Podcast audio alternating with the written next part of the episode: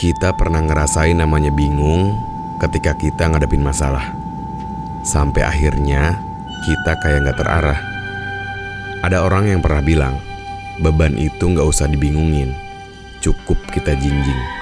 Kalau masih kerasa berat, coba pikul di bahu dengan cara diangkat. Kalau masih bingung juga, cukup satu solusinya.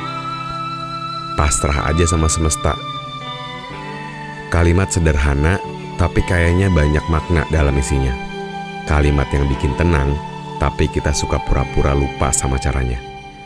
Ingat, kita akan selalu bertemu dengan banyak pilihan. Kita mendarat Dan balik lagi, kitalah yang menentukan. Resiko udah pasti ada.